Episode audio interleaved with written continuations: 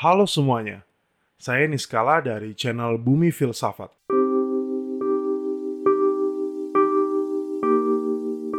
Kamu saat ini sedang mendengar podcast yang akan membahas berbagai tema seputar filsafat.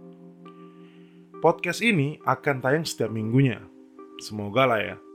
Kamu juga bisa mendownload buku dan transkrip podcast ini di link di deskripsi. Dicek ya. Oke, kalau gitu selamat mendengar.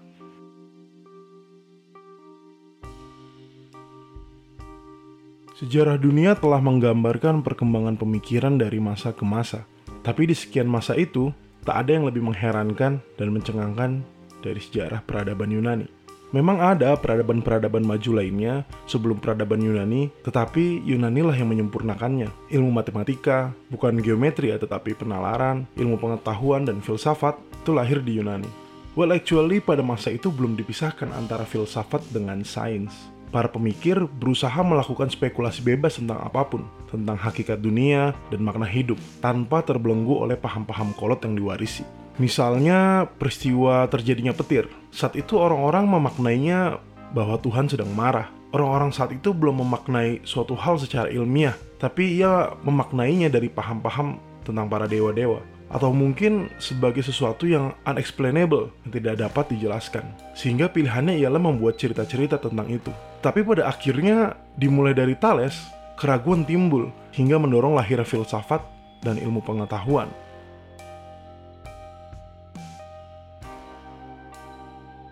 Saya akan bercerita sedikit tentang perjalanan perkembangan filsafat dimulai dari Thales.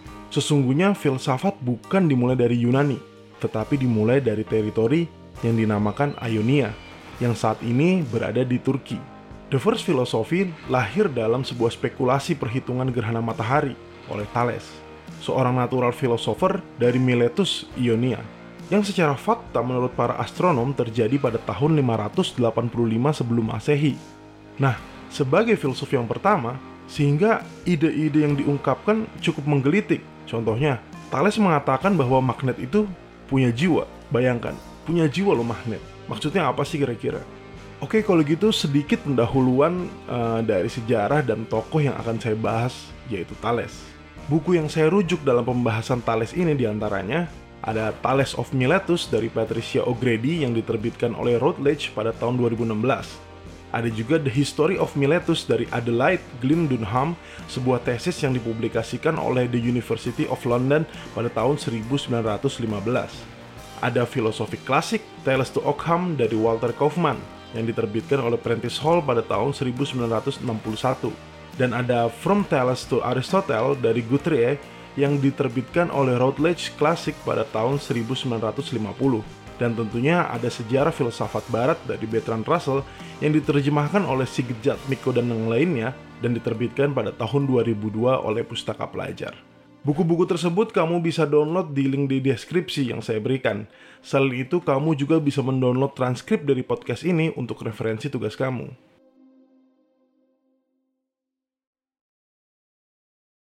Thales bukan umbimbian ya, itu mah Thales.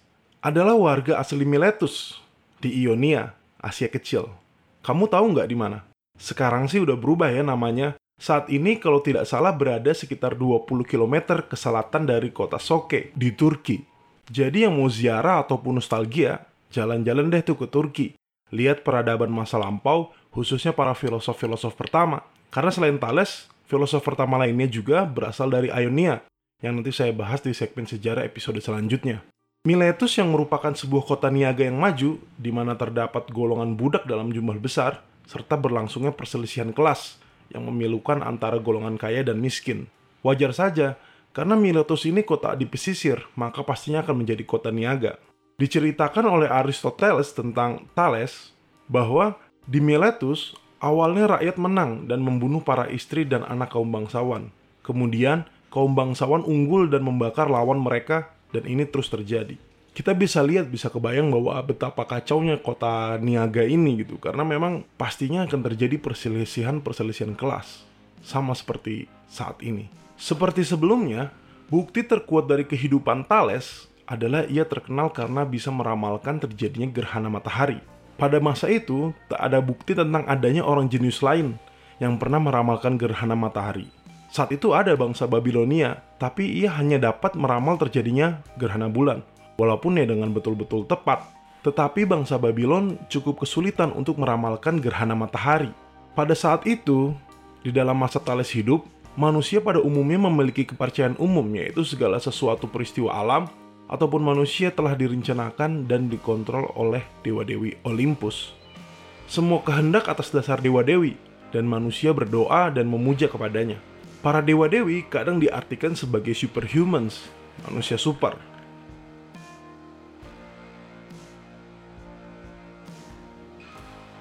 Thales termasuk orang yang meragu yang menjadi ciri khas seorang filosof. Nah sekarang, coba kita bayangkan. Dia lagi duduk nih di pinggir sungai Meander, dan dia berpikir begini, What is this world about? Sebenarnya apa sih dunia ini? Jika para dewa-dewi bukanlah makhluk yang kuasa, yang maha, yang super, apa yang membuat bumi ini berubah, berkembang? Lalu kira-kira terbuat dari apakah alam semesta ini? Nah lagi asik tuh bengong-bengongnya si Thales, ada sebuah kapal besar yang ingin merapat ke dermaga. Ia lantas berpikir, kok bisa kapal yang berat itu yang bawa berbagai macam kebutuhan yang berat, tetapi tetap mengambang di air? Apakah bumi itu mengambang di atas air? Nah, kira-kira dia penganut bumi datar atau bumi bulat tuh.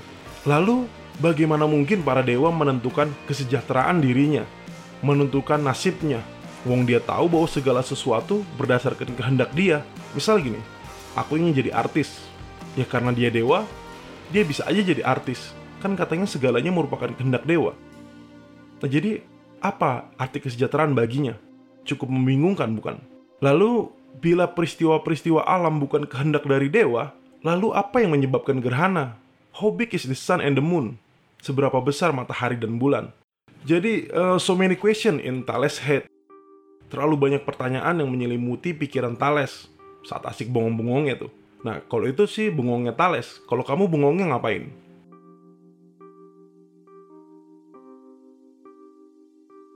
Tapi Thales bukan hanya pemimpi ulung, bukan pula seorang mistik. Ia seorang pemikir dan pekerja yang berusaha mencari solusinya. Salah satu contoh Thales merupakan seorang pemikir dan pekerja misalnya. Thales berkontribusi bagi warga Miletus saat itu. Ia menyarankan para pelaut menggunakan rasi bintang Ursa Minor agar lebih baik dalam bernavigasi.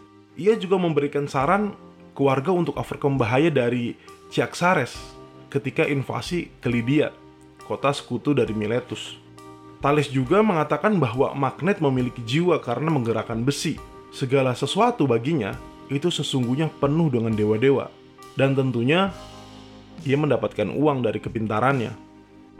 Ada sebuah cerita yang cukup menggelitik Aristoteles, seorang filsuf termasyur dari Yunani itu, dalam bukunya Politics menceritakan bahwa Thales ia dicemooh karena dia miskin, yang dianggap menunjukkan bahwa filsafat itu tidak berguna. Namun menurut kisah itu, berkat pengetahuannya tentang perbintangan, meski saat itu sedang musim dingin, ia tahu bahwa akan terjadi panen buah zaitun yang berlimpah di tahun depan.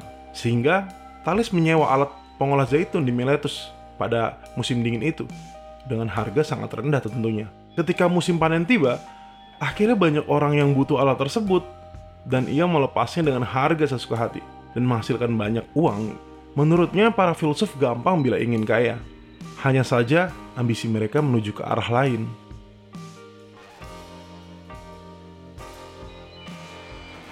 Nah, contoh bagus bagaimana ilmu itu penting dan jelas bisa memahami dunia lebih dalam, yang tentunya buat para persekutan duniawi juga bisa menghasilkan uang tentunya. Karena ilmu pengetahuan dan kebijaksanaannya, Thales dianggap sebagai salah satu dari Seven Sage atau Wise Men of Ancient Greece, yaitu tujuh orang bijak dari Yunani kuno.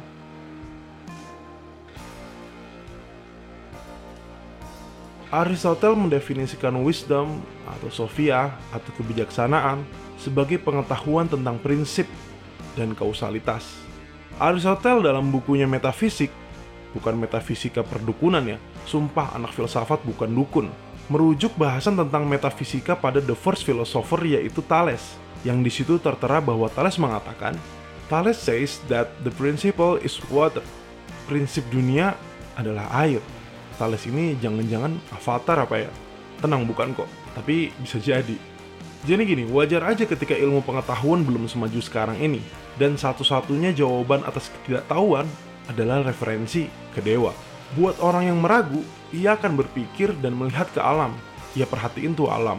Mungkin saat itu Thales berpikir, karena juga dia tinggal di pesisir laut, bahwa bumi itu penuh dengan air. Manusia tidak bisa bertahan lama tanpa air. Semua makhluk butuh air. Sehingga mungkin ia berpikir bahwa air ini penting bagi dunia ini. Dan ia melingkupi kita, di bawah ada laut, di atas bisa turun hujan, di mana-mana ada air. Bahkan dia pernah berkata bahwa bumi itu mengambang di atas air. Ya, jadi prinsipal bisa kita sandingkan dengan kata arke dalam bahasa Yunani yang berarti origin, asal mula, atau source of action, dari sebab tindakan, atau elemen dasar, atau substansi, bila dalam bahasa dari Aristotle.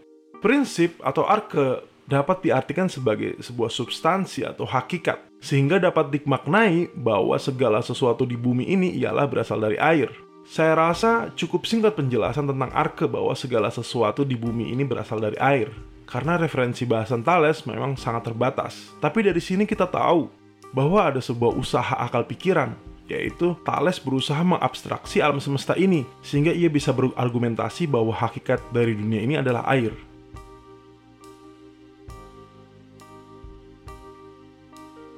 Masuk ke dalam teori Thales lainnya, yaitu tentang jiwa, on the souls, Aristotle mengungkapkan dua teori tentang jiwa dari Thales.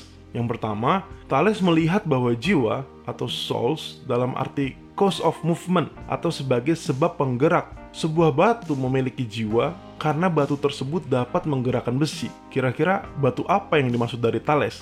Yaitu magnet. Thales ini terheran-heran hingga ia bisa memaknainya bahwa magnet itu punya jiwa. Yang kedua, sehingga ia menyimpulkan, Thales menyimpulkan bahwa setiap hal yang ada di dunia ini memiliki jiwa. All things are full of gods. Karena dari benda yang mati, tapi ia bisa menimbulkan kehidupan dalam artian gerak. Sehingga kita bisa lebih open mind di sini, lebih terbuka pikiran kita untuk melihat kemungkinan lain di dunia ini. Bahwa ada konsekuensi logis yang berarti dalam suatu hal apa pun pasti ada jiwanya.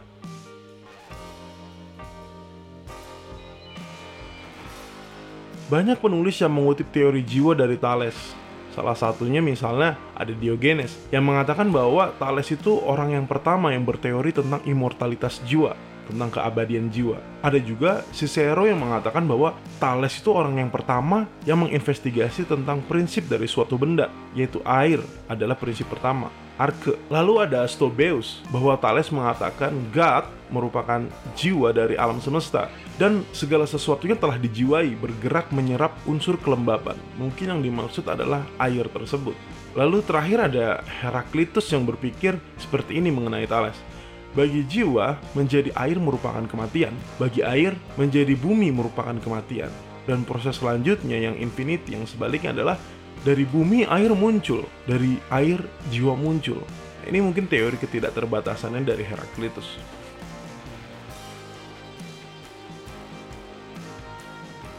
Saya bisa merangkum bagi saya Thales berusaha mencari hakikat dari dunia ini.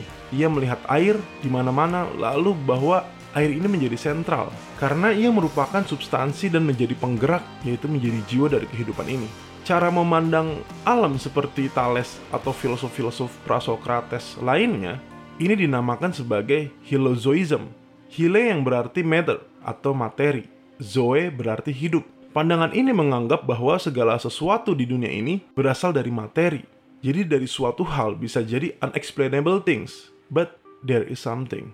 Ia berusaha untuk mengesampingkan terlebih dahulu atas ilmu pengetahuan yang dipegang oleh otoritas atau para dewa ia berusaha mengungkapkan kebenaran melalui kekuatan akal pikirannya, melalui rasionalitasnya. Itulah ciri khas filsafat, dan juga seperti episode sebelumnya dari apa yang dikatakan Thomas Nagel tentang filsafat, yaitu hanya membutuhkan akal pikiran, rasionalitas dari manusia. Uh, Oke, okay, jadi gimana pendapat kamu? Apakah memang air itu merupakan hal dasar bagi kita, menjadi dasar penggerak kehidupan kita? Atau menurut kamu, apakah magnet itu punya jiwa? Apakah segala sesuatunya punya jiwa atau dewa-dewi di dalamnya? Silahkan komen di episode podcast ini ya. Oke mungkin segini dulu cerita saya tentang Thales dan mulainya lahirnya filsafat dan ilmu pengetahuan. Semoga podcast ini bermanfaat bagi semua. Saya Niskala dari channel Bumi Filsafat. Terima kasih.